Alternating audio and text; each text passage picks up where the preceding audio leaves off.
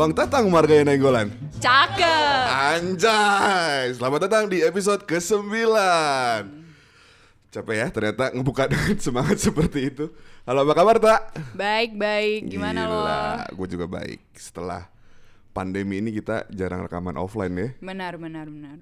Tapi sehat-sehat kan ya? Sehat. Udah sehat. divaksin? Belum Belum dong. ya? Bukan lansia. Iya belum bukan lansia ya. Tapi teman-teman gue yang pakai jatah negara udah pada dapet. Oh gitu ya. Privilege. Privilege ya gitu. Privilege, oke, I agree with that.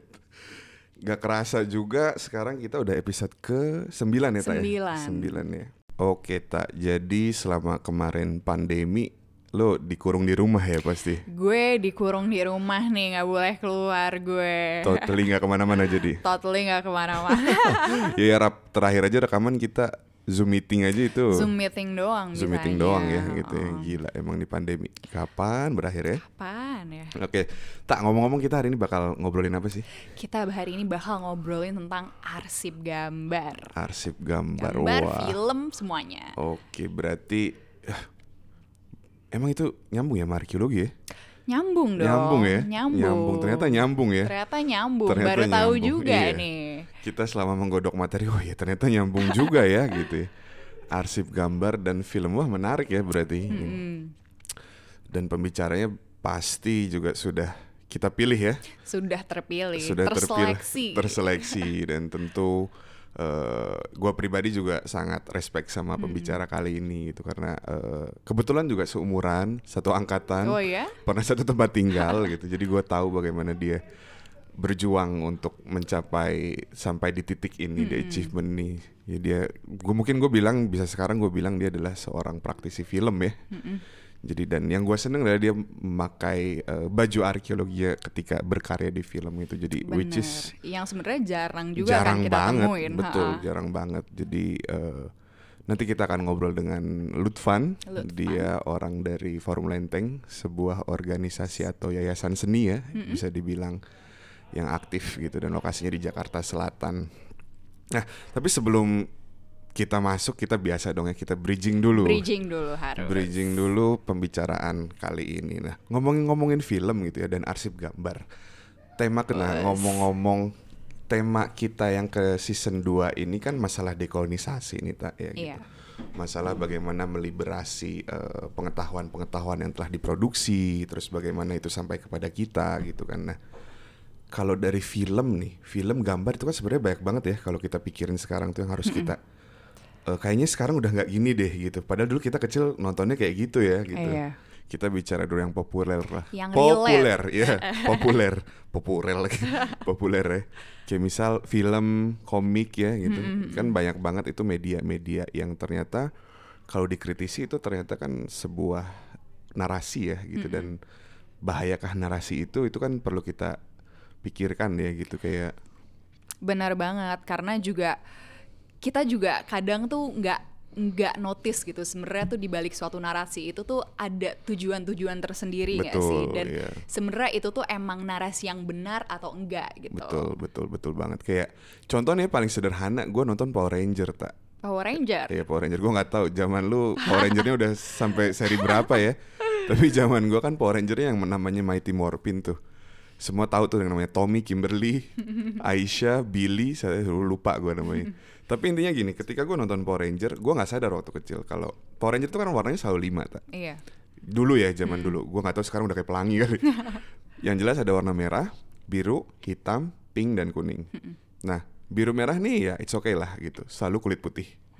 Tapi ketika Power Ranger hitam itu ha- harus diperankan oleh orang kulit hitam. Kulit gitu. hitam. Terus kayak karena warna pink stereotyping jadi harus ranger perempuan gitu.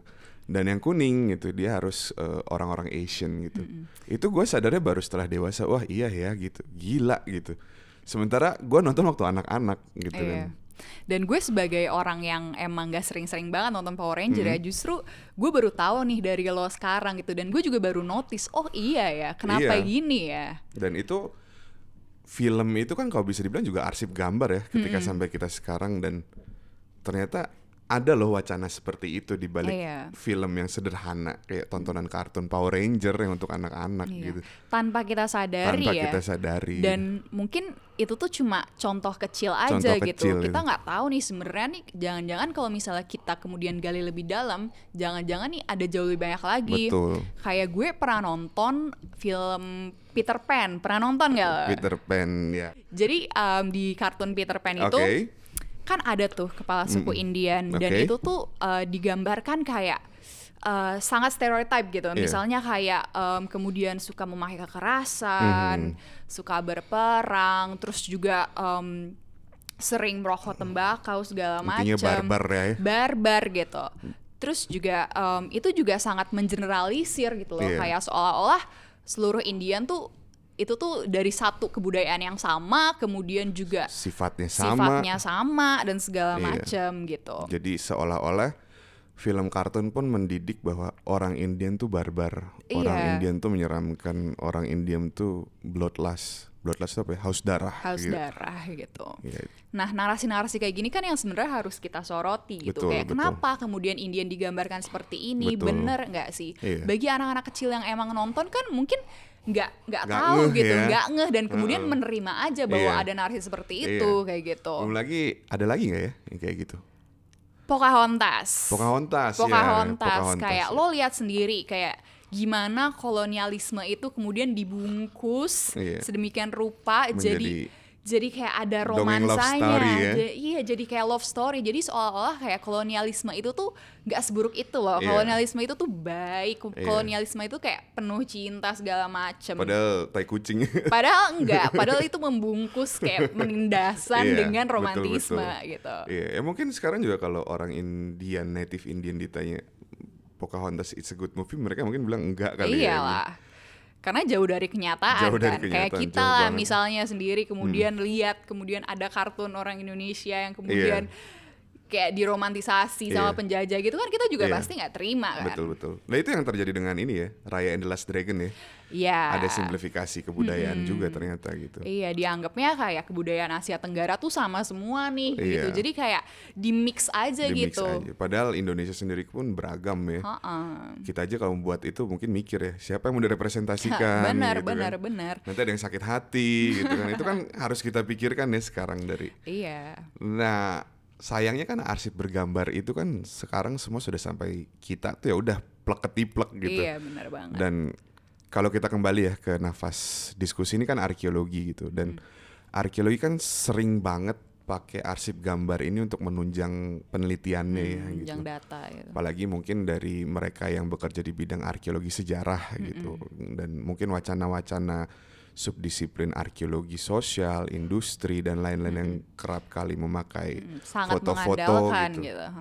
Nah, ini kan juga berarti menjadi penting sebenarnya untuk arsip gambar kita bedah nih gitu. Iya, karena em, balik lagi kayak misalnya tadi aja dari contoh-contoh yang bisa kita lihat gitu kan, bisa jadi arsip-arsip gambar yang kemudian kita pakai itu tuh tidak merepres tidak merepresentasikan realitas yang emang ada Iya, pada saat itu betul gitu. betul. Jadi kita dengan diskusi kali ini kita tuh justru mengajak para pendengar, para konco kentul untuk membuka satu pemikiran alternatif ya Benar bahwa kita harus hati-hati juga nih pakai gambar, jangan asal tempel, jangan asal take it for granted gitu ya. Iya banget gitu. Dan ini sangat membuka wawasan sih menurut gue Menurut diskusi ya. ini. Dan karena lo masih mahasiswa ya. Iya benar banget dan menurut gue uh, gue juga baru denger nih Baru tentang denger ya? diskusi ini ternyata kayak oh iya ya ternyata bahkan gambar-gambar yang sering gue lihat tuh ternyata ini banget gitu dari sudut pandang kolonis banget Hmm. betul kayak gitu. betul. Jadi agak tricky ya. Tricky.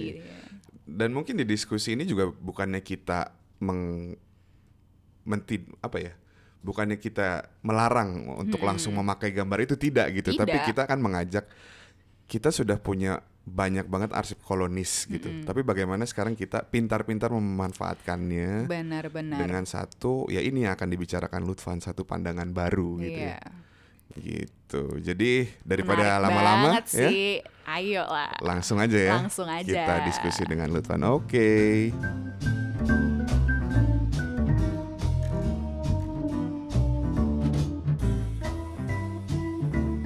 Oke, sekarang kita sudah sama pembicara nih. Deg-degan ya man ya?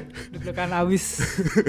Biasa di balik layar, sekarang jadi pembicara. Oke. Apa kabar Pan? Ngomong-ngomong Pan. Sehat-sehat lu gimana? Alhamdulillah baiklah. Kesibukan apa nih kalau boleh tahu sekarang nih Pan? Ya gini aja lah jadi kulik-kulik kebudayaan aja. Gimana? kebudayaan. Sama juga lah, jadi kuli-kuli siap, kebudayaan. siap, siap, siap.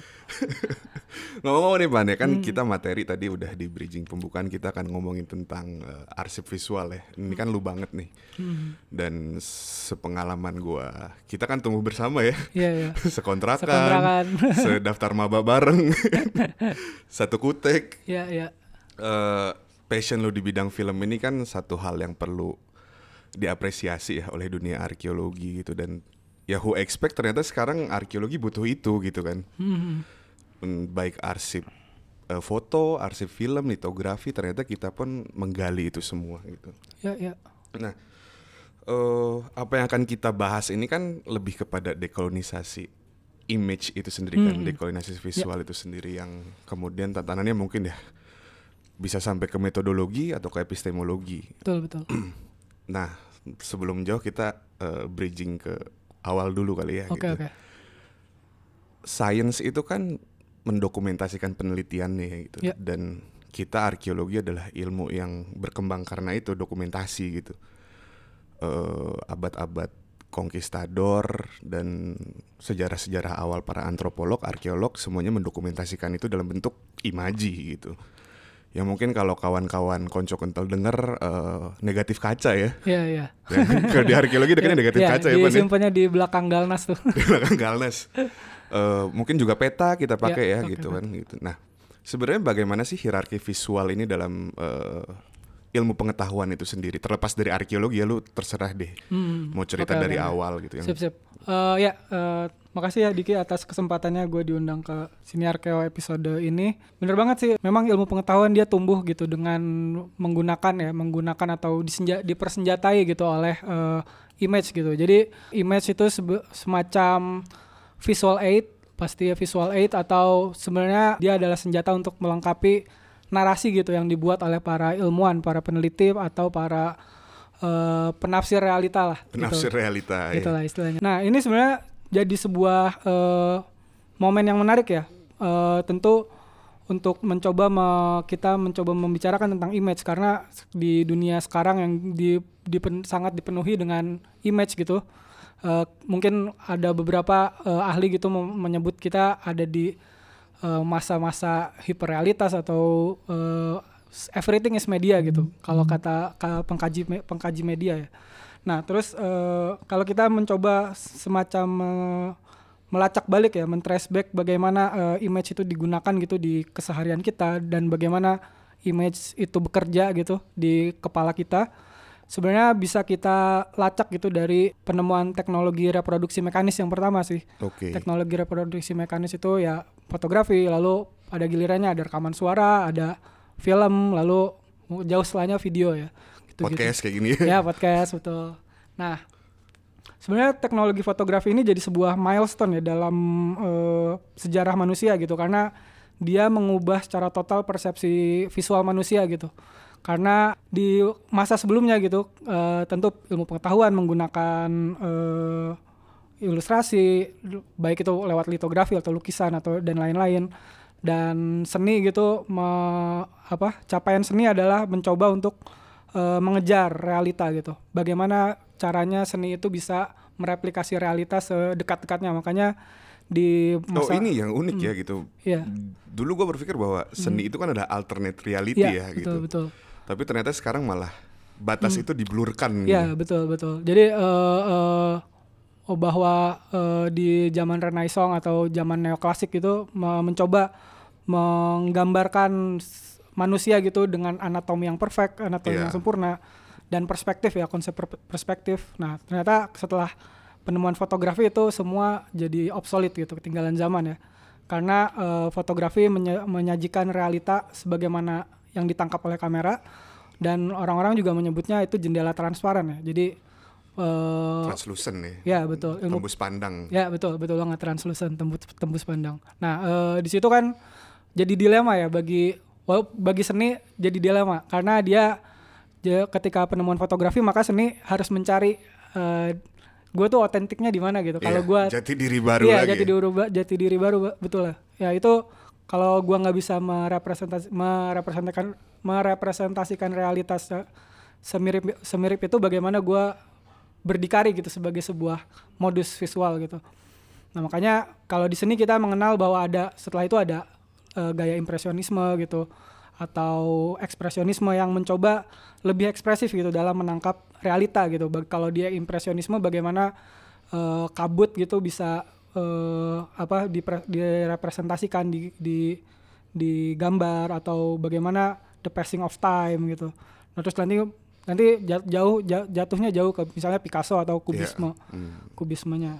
Kalau di ilmu pengetahuan sendiri tentu ilmu pengetahuan merayakan ini ya karena eh, dia mendapat eh, apa amunisi baru gitu, Iya, atau equipment baru, equipment tools, baru, iya. tools baru gitu untuk eh, mencoba mendadar gitu, mendadar realita sebagaimana adanya karena sifat fotografi. Tapi sebenarnya kalau kita lacak lagi bagaimana eh, fotografi itu dibuat, eh, ternyata eh, tetap ada sebuah eh, diskurs ya Iya, istilahnya apa Ada wacana. ada wacana gitu di situ sebenarnya bahwa fotografi itu tidak lepas dari eh, sama juga seperti seni modus penciptaan dan modus persepsi gitu Iya. bagaimana modus produksi atau modus penciptaan gambar itu dipengaruhi oleh konteks sosiopolitik dan proyek apa gitu Hmm. Iya. yang melatari Mungkin kelahiran. kalau bahasa arkeologinya scenoprattoanya ya bener. Wah, oke siap kan siap, kayak siap. alat batu kan kita Iya, memahami betul, betul. gimana sih produksi alat batu gitu Iya, kan. betul, betul. Sementara ya sama seperti gambar pun kita harus memahami itu bahwa ada people behind it gitu, Iya. ada thoughts behind it. Betul, betul banget. Makanya di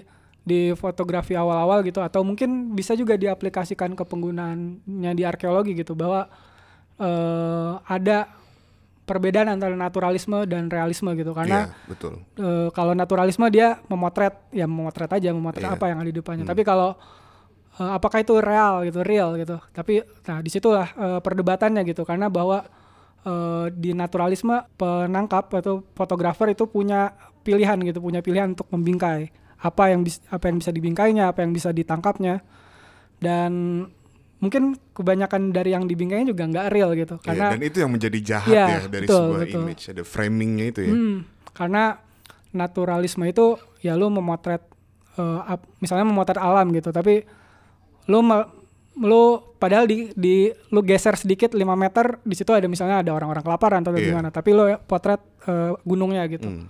Itu sih sebenarnya ada ada nggak lepas dari itu gitu, bahwa bahwa iya betul fotografi bisa merepresentasikan kenyataan sebagaimana mestinya, tapi eh, di sini modus produksinya itu ya yang dipertanyakan di eh, di bagaimana membongkar fotografi itu. Iya, jadi kalau bisa Hmm. gue simpulin ya, sebenarnya hierarki visual itu di ilmu pengetahuan menjadi satu titik penting ya, gitu, Ya, satu betul, titik untuk dia bisa berkembang lagi ya. Mungkin kalau gue bisa contohin dari eh, pengalaman gue ya, gue itu kan bertindak di osteologi ya gitu, dan Hmm. banyak anatomical drawing zaman Renaissance yang Ya. super realistis gitu. Tetapi ketika adanya X-ray, adanya apa itu semua Hmm. menjadi apakah benar di, yang aorta itu di sini, apakah Hmm. benar titik yang namanya eh, sulcus itu di sini Ya, gitu. betul, gitu betul. Dan ya membedah wacananya ya itu yang Hmm. menjadi penting dan Ya, itu betul. menjadi titik diskusi kita ke sini ya gitu Betul, ya, betul, betul, betul banget. Mungkin juga harus kita ini kali ya Pan ya kita batasi ya karena Iya, ini iya. kan kesannya adalah teman tidur yang aneh arkeologi dan apa media visual Media, ya, gitu. arsip visual. Tapi ya tidak bisa kita pungkiri bahwa ini ada gitu Hmm. dan ya kita nggak tahu apakah ini akan plausible untuk di Indonesia. Tapi diskursus seperti ini eh, paling tidak kita eh, bicarakan ya. Ya. Jadi kita bilang perdebatkan kan kesannya ada haheho ya gitu. Kita Iya, bi- iya. kita bincangkan saja. Iya, gitu. betul, betul, betul. Mungkin ini bisa menjadi semacam tawaran atau mungkin eh, sesuatu yang mungkin bisa diimajinasikan ya dalam eh, produksi pengetahuan arkeologi atau mungkin produksi pengetahuan ilmu pengetahuan yang lain mungkin. Iya betul betul. Hmm. Dan kaitannya ini kan eh, ke pertanyaan kedua ya gitu. Hmm. Kita ini arkeologi adalah ilmu yang lagi hobi, bukan hobi ya, Hmm. tapi lagi ingin melepas belenggunya dari eh, kolonialisme kan ya, gitu. Dengan banyaknya proyek dekolonisasi gitu. Baik dari segi epistemologi, dari segi metodologinya sendiri, dari melibatkan berbagai macam perspektif gitu. Nah, Hmm. eh, apa yang menjadi menarik ternyata kalau tadi lu bilang modus produksi itu juga dipengaruhi eh, apa ya model yang sama gitu dengan apa eh, unsur-unsur yang sama. Ada perilaku kuasa gitu terus ada persepsi ada framing gitu. Berarti kan eh, image ini menjadi satu modal untuk membangun narasi sejarah ya gitu. Dan ya. arkeologi tentu terlibat di situ betul gitu betul kan. betul. Nah, eh, pertanyaannya, Hmm. Bagaimana sih representasi visual ini digunakan untuk kepentingan sejarah Iya. di eh, era dekolonisasi ini gitu? Oh oke oke. Nah eh, mungkin eh, untuk membahas itu mungkin kita bisa mungkin sedikit mereview gitu eh, bagaimana gambar itu digunakan gitu kan. Eh, Sebenarnya kan kalau kita tahu dulu mungkin seni di gambar cadas atau di relief gitu digunakan sebagai eh, media ritual ya. Nah tapi ketika misalnya eh, pergeseran paradigma gitu, ketika eh, ilmu pengetahuan mulai kembali gitu ke manusia bukan ke ke pemujaan ya Eh, gambar gitu atau imaji digunakan untuk mencoba meraba ya meraba eh, kenyataan gitu meraba reali, meraba realita yang ada gitu sesuai dengan perkembangan filsafat dan ilmu pengetahuan.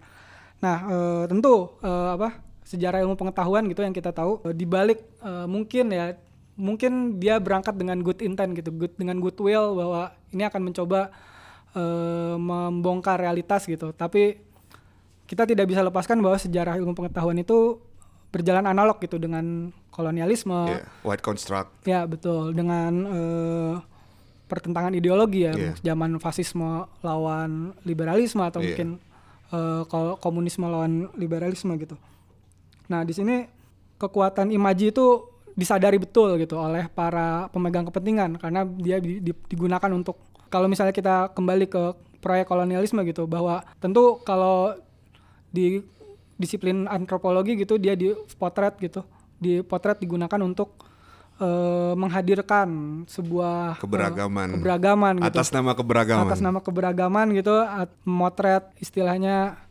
eh apa orang-orang primitif gitu orang-orang di dunia timur gitu karena eh, sejarah ilmu pengetahuan yang beriringan dengan kolonialisme itu melahirkan sebuah dikotomi pandangan ya cara pandang gitu Iya, betul. barat dan timur dan di situ Modern eh, dan barbar. modern dan barbar. Nah, ketika ilmu sosial dan ilmu kebudayaan muncul gitu dalam bentuk antropologi, bentuk sosiologi mungkin ya. Orang-orang kulit putih mungkin mencoba gitu, coba mendokumentasikan itu gitu dengan fotografi di wilayah tanah jajahannya dan bagaimana fotografi-fotografi diciptakan untuk semacam glorifikasi. glorifikasi kulit putih dan apa Ya, itu yang kemudian dipamerkan di World Expo ya, seperti betul. itu ya. dan memberikan ya membuat semacam katalogisasi manusia Iya, lah gitu. Katalogisasi manusia. Human catalog. Ya, karena ya uh, image-image yang diproduksi tahun itu uh, banyak menampilkan uh, ekspresi wajah gitu atau morfologi tubuh, morfologi wajah, Morfologi wajah, tubuh, dan tinggi badan, tinggi badan betul dan warna kulit enggak ya? Warna kulit warna kulit zaman hitam putih mungkin uh, agak susah terlalu, tapi ya. Hmm. tetapi tetap mungkin ada ada shade yang bisa Iya. kita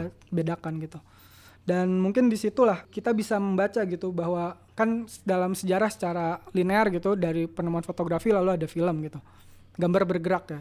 Di mana di gambar bergerak lebih dinamis lagi produksi visual karena dia bisa merekam gambar bergerak, gam- gestur tubuh yang bergerak gitu. Iya, belum lagi ketika ada sound Hmm. masuk ya. Belum lagi ketika ada sound masuk dan di penemuan film juga secara drama artistik gitu ada nam- yang namanya dramaturgi dan mungkin muncul film-film Saya etnografi. liturgi gereja, gue tahu liturgi gereja gue tahu, Pan. Iya, jadi di film-film itu bisa eh, di amatan sa- amatan saya gitu, amatan gue yang gue mencoba bekerja dengan arsip kolonial di mana banyak film-film kala itu diproduksi untuk menjadi semacam travelog, s- terus eh, katalogisasi manusia, lalu sense of wonder dan juga dibuat untuk glorifikasi kulit putih tadi. ya. kulit Jadi ada narasi white savior di film Iya, itu. white savior. Iya, dan ini menjadi penting ya ternyata Hmm. eh, sebagai kita arkeologi yang dekat sekali dengan antropologi Hmm. Iya, gitu. iya. The mother of our disiplin kan antropologi ya Iya, gitu. betul, dan betul. ya masih jarang juga diskursus yang mengapa kita beda membedakan diri dengan sejarah tapi kita tidak pernah bicarakan mengapa kita semakin menjauh dari antropologi gitu. iya iya. Betul. Itu kan satu pertanyaan besar gitu. Hmm.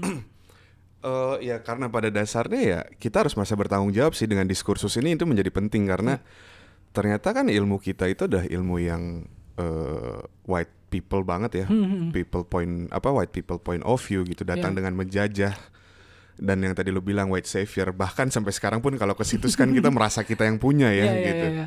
Dan itu Betul, kan betul. kolonial mental yang harus kita breakdown gitu dan Iya. Setuju, setuju.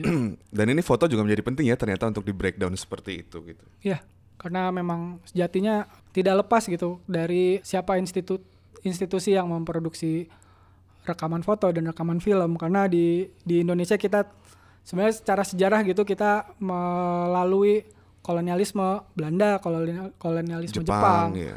Lalu dan juga jangan lupa kita setelah kemerdekaan juga ada agenda nation building Nation gitu. building, nasionalisme. Ya, nasionalisme juga dan mungkin di Orde Baru juga bagaimana kita mengejar Iya. ketertinggalan Indonesia gitu. Ya Jadi itu yang menjadi penting juga karena apa yang terjadi di kita nggak jauh-jauh ke masa Belanda atau Jepang ya gitu karena which is itu udah jelas banget gitu kan mereka dalam misi gitu. Sementara yang paling dekat dengan kita kan adalah Orde Baru gitu. Dan ternyata di situ terjadi satu momentum di mana ujung Sabang sampai ujung Merauke itu diseragamkan Iya, gitu kan. Iya, betul betul. itu yang kemudian membuat kita eh, harus aware sekarang menggali lagi informasi benarkah benarkah image-image ini Hmm. Iya, gitu iya, kan iya. Iya, bagaimana kan kalau kita di Museum Nasional kita dipertemukan juga oleh semacam kasanah eh, etnis di Indonesia gitu-gitu. Ya, di zaman Orde Baru juga kalau tadi Diki bahas mengenai penyeragaman juga bahwa kita kita, tidak bisa lupakan bahwa di zaman Orde Baru eh, ada semacam katalogisasi puncak-puncak kebudayaan gitu. Iya. Apakah misalnya tari ronggeng lebih rendah daripada tari serimpi Iya, atau gimana? atau kenapa tiba-tiba semua punya batik Iya, gitu kan betul, gitu. betul, betul sekali. Itu ada di diskusi episode yang lalu ya kawan-kawan ya.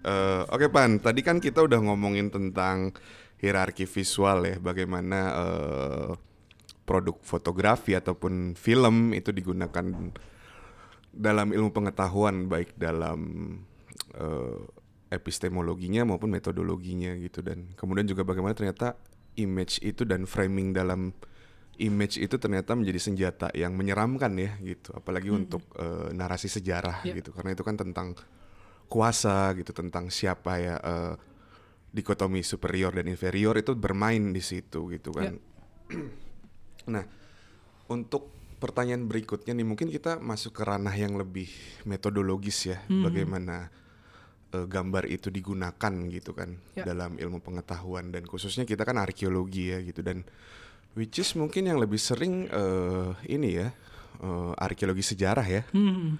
Arkeologi sejarah, ya prasejarah juga mungkin tidak menutupi ya, apalagi yang kajiannya etnoarkeologi gitu Iya, kan, betul, yang betul. banyak menggunakan dokumentasi-dokumentasi masa kolonial untuk eh, ya kebudayaan-kebudayaan apa primitif, jangan primitif deh, tradisional ya. Hmm. Kesannya kan primitif ini banget ya. Padahal kan Iya, iya. sebenarnya primitif itu kan the first one ya, prototype gitu. Tapi Hmm. ketika ada kolonialisme maknanya jadi jelek gitu Iya, berubah. Jadi, berubah. pejoratif. ya. Jadi ya. Nah, kalau gitu kan berarti eh, arsip gambar sendiri perlu didekolonisasi kan? Hmm. Dengan kita udah diskusi tadi ya gitu bahwa di baliknya ada modus produksi, modus apalagi yang tadi lu bilang itu kan. Iya. Nah, pertanyaannya how? Gimana nih kita mendekolonisasi arsip ini? Iya. Khususnya arsip image ya, arsip gambar. Pertanyaan yang bagus ya, karena arsip visual itu itu sudah terjadi gitu, sudah tercetak, sudah ter apa Terbit lah ya. ter- terbit, Sampai kepada kita, terdeposit dan terdeposit betul. sampai sampai ke kita gitu. Maksudnya tafonominya kayak gitu ya. Tafonominya, Iya betul bahwa di ternyata di uh, arsip uh, media uh, arsip media baru itu juga mengalami proses tafonomi juga kan. Nah di situ uh, menarik karena bagaimana kita mendekolonisasi arsip-arsip image ini. Kembali lagi bahwa arsip image ini sudah terjadi. Nah di sini yang jadi fokus mungkin lebih di arah presentasi ya presentasi dari atau eh, bagaimana eh, seorang produser pengetahuan gitu pro- eh, Iya. atau ilmuwan gitu mencoba eh, me- istilahnya mungkin me- merekon gitu, me- mengenali gitu, mengenali konteks eh, produksi eh, gambar itu Ah, dibuat. Iya iya. iya. Lalu dan itu tadi proses tafonomi Iya. gambarnya juga. Jadi nggak semata-mata selama ini take it for granted Iya, aja betul, ya betul. gitu. Nggak Kan- semata-mata tempel gitu. Iya, nggak semata-mata mungkin eh, kita mau mencoba membedah tentang pakaian adat gitu di Iya. masa lalu gitu atau pakaian suku ini di masa lalu kita mungkin langsung me- mencoba menyarikan dari foto gitu karena sebenarnya bisa saja kita eh, kalau di di arkeologi kan ada di epigrafi ya khususnya Iya. ada kritik interan, kritik Iya. ekstern atau verifikasi data gitu. Nah di situ kan bisa kalau di epigrafi mungkin dia mengkritik bagaimana prasasti itu dibuat gitu atau bagaimana struktur, bagaimana penyebutan-penyebutan gelar gitu-gitu. Nah, di- mungkin kita juga bisa ini tawaran juga ya atau mungkin Satu alternatif satu ya. alternatif ya untuk mencoba mengapply, mengaplikasikan metode kritik intern itu ke dalam foto gitu di dalam Oke. studi arkeologi gitu. Karena eh, sejatinya memang eh, di ana- dalam eh, kajian visual gitu eh, itu adalah sesuatu yang di- butuh ya Iya. Jadi analisis sumber visual ya. analisis sumber visual betul karena eh, kalau kita mungkin eh, kita bisa eh, apa ya mengenali bahwa atau mengetahui bahwa bagaimana epistemologi arkeologi itu epistemologi arkeologi kan mengekskavasi ya Iya. mengekskavasi merekonstruksi gitu habis itu itu kan digunakan oleh eh, pengkaji budaya mungkin kita Iya. tahu Foucault, gitu dengan Foucault, archaeology of knowledge dia juga Iya, membahas membahas bagaimana madness and civilization Iya. atau membahas penjara gitu kan nah itu itu kan digunakan tuh eh, epistemo epistemologi arkeologi di kajian-kajian budaya Iya, nah bagaimana prinsip ekskavasi layer ya tanah itu diaplikasikan pada layer pada pikiran layar pikiran kan. gitu layar pengetahuan Iya. gitu mengacak pengetahuan dan juga bag- eh, banyak juga sebenarnya epistemologi arkeologi itu digunakan oleh eh, seniman-seniman kontemporer ya yang Oh, bekerja eh, dengan arsip ini arsip-arsip kolonial arsip-arsip Ah, iya. Eh, fotografi yang ya ya itu ya lekat dengan kuasa gitu Iya. lekat dengan kuasa lekat dengan ideologi lekat dengan proyek-proyek besar dari state gitu dari Iya, negara gitu Kenegaraan. karena juga mungkin yang pernah gua temui gitu di atau praktik gua gitu sebagai salah satu eh, pengkaji atau seniman gitu yang mencoba bereksperimen dengan media arsip ini kami per- di di kantor gitu bersama teman-teman mencoba membedah arsip newsreel ya newsreel Gelora Oke. Indonesia yang diproduksi setelah tahun 50 itu Gelora Indonesia sampai tahun 74 eh, zaman Orde Baru di Soeharto membuat newsreel ya. Karena kita juga di situ kita me- eh, mem- bisa menspot eh, perbedaan arsip yang dibuat di zaman Soekarno dan arsip berita yang dibuat di zaman Soeharto Iya. gitu. Karena di zaman Soekarno mungkin narasi dan gambar-gambarnya eh, lebih ke arah nation building, Iya. pengkultusan Soekarno dan juga bagaimana eh, Indonesia itu punya posisi tawar yang sama dengan negara-negara lain di eh, kala itu gitu karena memang di, di situ kan ada konferensi Asia Afrika, ada gerakan non blok ya. Nah lalu di zaman Soeharto itu beda karena di zaman Soeharto eh, tentu kebanyakan arsip berita mengabarkan tentang bagaimana repelitas satu berjalan, sejauh apa eh, Green Revolution berhasil, bagaimana eh, Soeharto berhasil membuka pabrik-pabrik baru yang lebih besar gitu dan mendatangkan eh, teknologi-teknologi baru.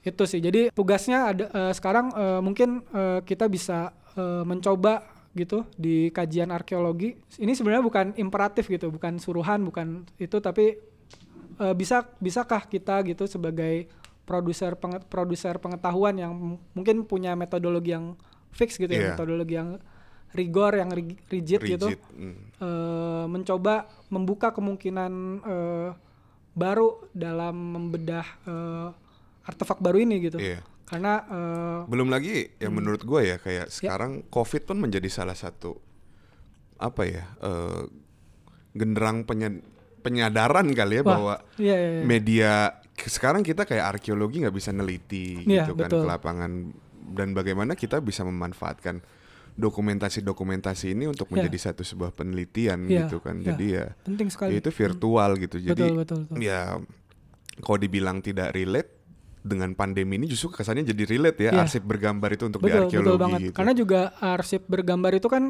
mungkin kita juga ngomong tentang arsip mm, gambar kolonial gitu. Iya. Tapi sebenarnya kan eh, apa di dalam dunia arkeologi kan kita memotret ya, memotret Betul, proses iya. ekskavasi, memotret proses, proses analisis gitu. Perekaman visual itu Perekaman sebenarnya visual kan sudah ada gitu sudah di ada gitu. Dan bagaimana mm, mungkin eh, ini sebenarnya pernah dibahas juga sama Michael Shanks ya di bukunya Oke. bahwa sebenarnya fotograf kekuatan fotografi di arkeo itu eh, selain eh, teknis gitu ya. Hmm. eh, dia dia menyebutnya di sana kerja foto gitu.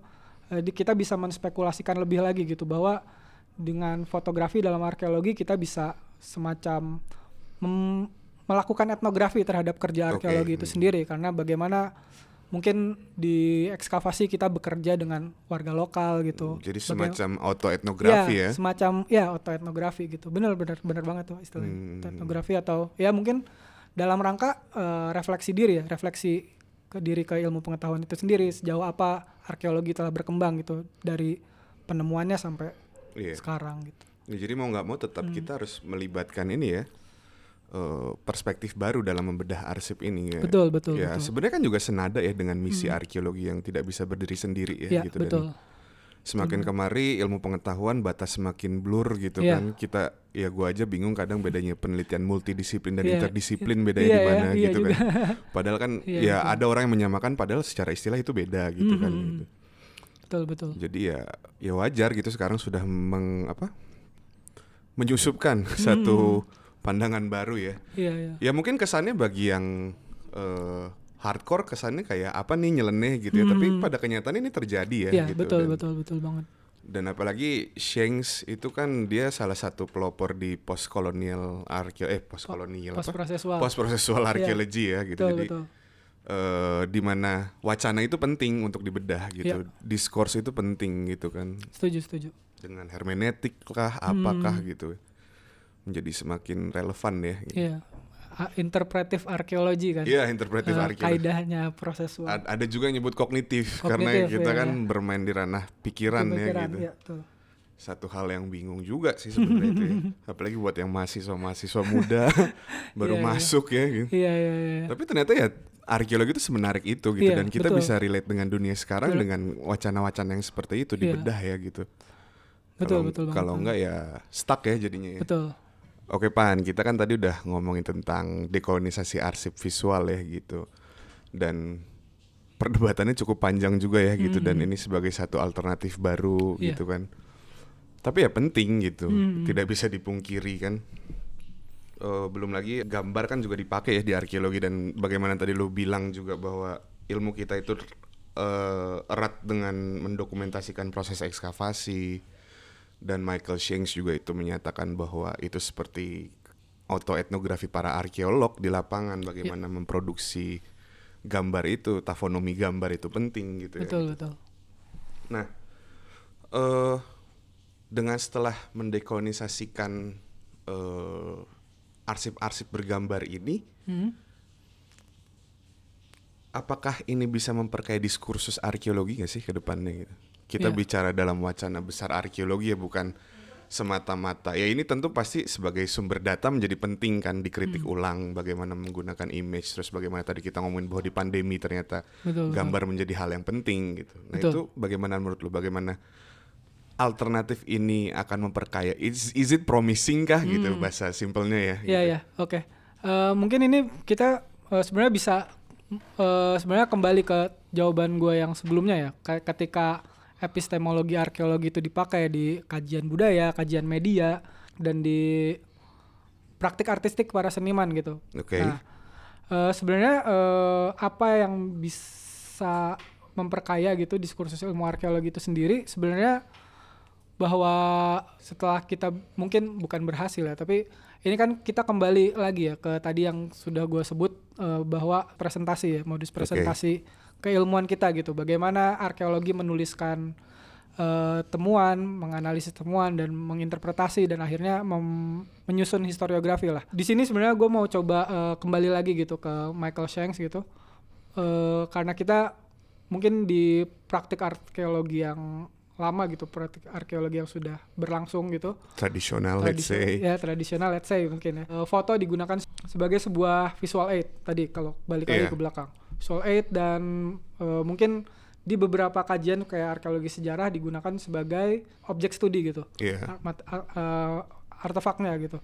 Nah, tapi di eh, bagaimana kita memperkaya itu di Michael Michael Shanks mencoba menariknya ke arah spekulasi ya, ke ranah spekulasi gitu. Oke. Menariknya ke ranah spekulasi bagaimana Iya. arkeolog gitu bis- bisa menggunakan fotografi sebagai moda untuk atau eh, pengetahuan untuk merangsang eh, imajinasi penonton gitu, imajinasi pembaca. Oke. Jadi selama ini kalau di ilmu pengetahuan kan eh, lekat dengan bagaimana eh, akademisi atau ilmuwan peneliti memberikan deskripsi atau memberikan eh, studi seterang-terangnya ke penonton. Jadi atau ke, ke pembaca ya, ke pembaca publik Iya. baik itu ke akademisi sendiri ke dan ke publik ya. Nah di model yang ditawarkan Michael Shanks gitu, eh, dia mencoba untuk menantang para arkeolog itu untuk mencoba menyajikan sebuah pengalaman yang konstruktif gitu. Ar- artinya dua arah antara Hmm. peneliti dan pembaca gitu Iya. dalam eh, lewat medium fotografi, medium Iya. fotografi bermedium medium film juga eh, di situ eh, Michael Shanks dia mencoba menawarkan semacam produksi fotografi yang lebih sifatnya imajinatif dengan menggunakan metode kolase. Oke. Metode kolase itu adalah merangkai gambar gitu, merangkai gambar eh, dalam foto itu sendiri. Jadi mungkin dicapai lewat mengoverlay foto gitu. Untuk sebenarnya memberikan sebuah stimuli ya, stimuli Stimulus. ya Hmm. stimulus untuk penonton masuk merasakan masa lalu secara lebih lebih dalam, lebih, depth. dalam, Oh, iya. lebih reflektif dan lebih eh, apa ya? Dia bermain dengan Iya, penglihatan. penglihatan. Mungkin me- di kepala penonton terjadi sebuah suara gitu. Iya. Terjadi sebuah gerakan, gerakan Dan gambar. apa yang penting pengalaman itu masuk Iya, ke pengalaman itu masuk ke dalam penonton kepala ya, penonton. Mungkin memang eh, susah ya karena dia Iya, kan betul. eh, apa mencoba bermain dengan penciptaan ya, Iya, penciptaan, kreasi. kreativitas dan kreasi Kreativitas. gitu. Tapi di saat ini gitu, di hari ini di mana semua orang di dunia terbiasa melihat TikTok, Instagram dan kolase kan Iya. sekarang eh, anak-anak muda yang Betul. edgy bukan edgy. Edgy. Yang Ini anak lookbook kalau zaman dulu. ya anak muda udah eh, Aliran Alex Sacang, Alex Iya, Turner ya. Fasih dengan Pinterest Iya. atau eh, yang lain-lain. Tumblr. Eh, generasi visual lah. Iya, Eh, visual mereka, banget kan. eh, Hypebeast. hypebeast. Dan nah itu bagaimana eh, namanya Michael Shanks itu mencoba bagaimana men- Memberi trigger ke memberi mereka. trigger ke penonton untuk mencoba melihat masa lalu yang lebih istilahnya mungkin lebih engaging gitu. Engaging ya atau betul. melibatkan ya, melibatkan bahasa Indonesia mungkin. Iya karena Hmm. pada dasarnya kalau kita kembali ke pembicaraan tadi Michael Shanks menstimulan eh, kreativitas, imajinasi ya. Hmm. Gua rasa itu menjadi satu titik penting juga ya di arkeologi. Hmm. Without imagination, masa lalu kan tidak bisa tergambarkan gitu. Iya, ya betul. kita bukannya pesimis dengan ilmu kita ya gitu. Iya. Sepintar-pintarnya profesor di Oxford pun tidak bisa kembali ke masa lampau kan. Betul banget. Dan Iya, iya. Eh, itu yang perlu stimulus pembayangan seperti ini yang perlu diangkat gitu Iya. dan Tepat. eh, eksperimen itu menjadi titik penting juga ya Iya. gitu. Mungkin ke depannya kita bisa melibatkan bagaimana orang-orang sangiran misalnya merekonstruksi Homo erectus gitu Hmm, Iya, kan, iya, bukan iya. dari sudut pandang anatomi luar gitu Betul, kan. betul sekali ya. Dan itu yang justru membuat pesan dari message dekolonisasi arsip ini semakin muncul, masalah inklusivitas semakin betul, betul. ada gitu. Iya. Karena kalau eh, yang menarik kan di perdebatan dekolonisasi ini kan juga apa sih bedanya inklusivitas dengan diversity gitu Iya. kan gitu kan. Hmm. Ya diversity lu cuman menghadirkan tapi inklusivitas lu melibatkan suara Iya, mereka betul, gitu. betul sekali. Dan Jadi- mungkin dengan praktik visual, Hmm. arkeologi visual ini ya media baru itu malah jadi tereksplor gak Iya, sih gitu. betul. Jadi mungkin bisa tercipta suatu pertukaran eh, pengetahuan yang lebih Iya. demokratis lah istilahnya. Betul, Jadi demokratis. nggak apa ya, nggak nggak otoritatif lah. Otoritatif, ibaratnya. betul. Ah, itu sih. Iya ya menarik menarik banget sih Hmm. kajian ini. Sama mungkin ini kali ya Pan ya gitu dan eh, meskipun kedengarannya interpretatif Hmm. gitu terus tadi lu sebutkan proses kreasi kan sangat menghayal ya. Iya, Tapi kan eh, tetap Michael Shanks juga menekankan konteks ya betul, gitu betul, dan betul sekali.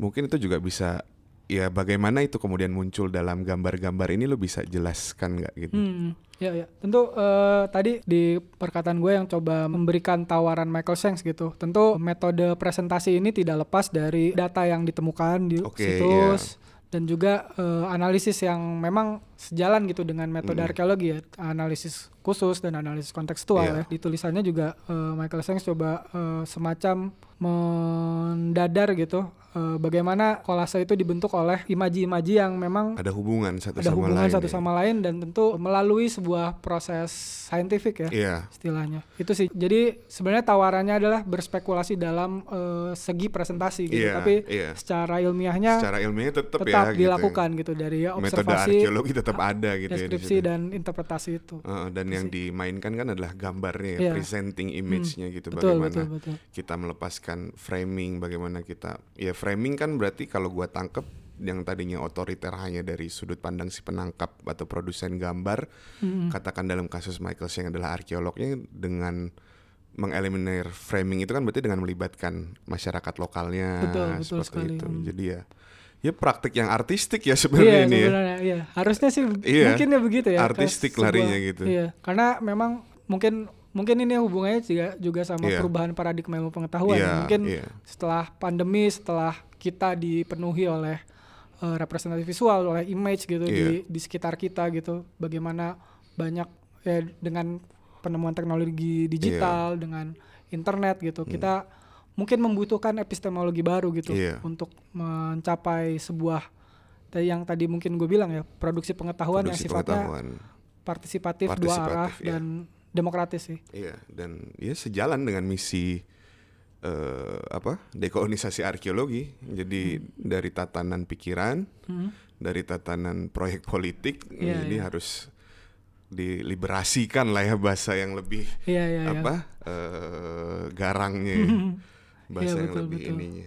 Oke, menarik setuju. banget nih Pan ya, gitu. Thank you banget ya nih kita sudah sampai pertanyaan akhir nggak kerasa ya. Iya, gue yang makasih nih udah diundang ke sini. Gila, gila, gila. Satu diskursus Iya. yang tidak pernah kita bayangkan bahwa ternyata gambar pun menyimpan Iya, eh, satu proses yang panjang gitu dan ya ini menarik karena ternyata ada ya tafonomi foto tuh ya gitu. Iya, Kalau iya, misal kita betul banget. konsepkan gitu kan, Bisa, bagaimana foto itu dibuat dan terdeposit sampai sampai kita kan juga itu proses, bisa. proses. sendiri gitu. Iya. Jadi either sebagai foto itu digunakan di penelitian arkeologi, Hmm, itu pun juga bisa kita teliti ya sebagai Betul. artefak betul, gitu. betul banget. Jadi perlakuannya seperti itu ya. Betul, betul sekali karena ya itu sih. Jadi mungkin ke depannya negatif kaca itu yang tersimpan itu bisa diteliti ya Bisa dengan wacana-wacana seperti wacana ini ya gitu. Baru gitu. Iya sih. Nggak, Benar-benar. nggak cuma jadi media pamer, media kebanggaan bahwa Hmm. kasihan cepas pernah foto Borobudur gitu Iya misalnya ya. benar sih benar-benar. Nah, mungkin eh, bisa kita bisa menciptakan sebuah pengetahuan yang lebih eh, produktif ya, lebih Iya, betul. dan lebih kontekstual karena Hmm. eh, kontekstualitas itu yang yang dituntut gitu dari mungkin disiplin ilmu arkeologi Betul. untuk terjun dalam misi inklusivitas. Inklusivitas ya betul. Iya. Oke, thank you banget Pan. Oke, thank you sukses banget ya. dengan project-project ke Ya, depan. sukses juga buat Sinta Ya, ya. terima kasih dan konco kental jangan lupa materi-materi bacaan hari ini ada di deposit link yang nanti akan dicantumkan di Instagram.